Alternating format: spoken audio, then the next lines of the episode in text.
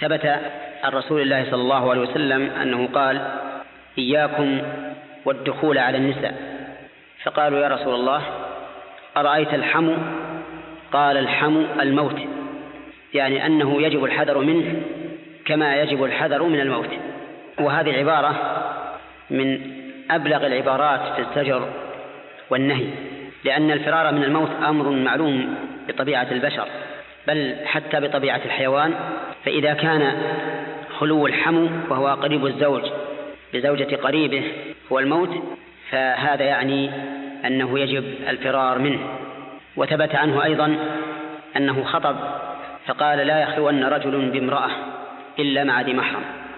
والمرأة في السيارة وحدها مع السائق الذي ليس بمحرم وإن كان بعض العلماء قال إنه ليس بخلوة فإنه إن لم يكن خلوة فهو أشد. لأن السائق يتصرف في السيارة كيفما شاء.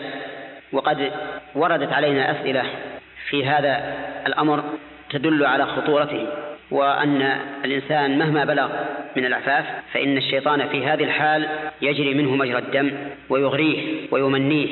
وإذا لم تحصل الفتنة في أول مرة فإنها قد تحصل في المرة الثانية أو المرة الثالثة.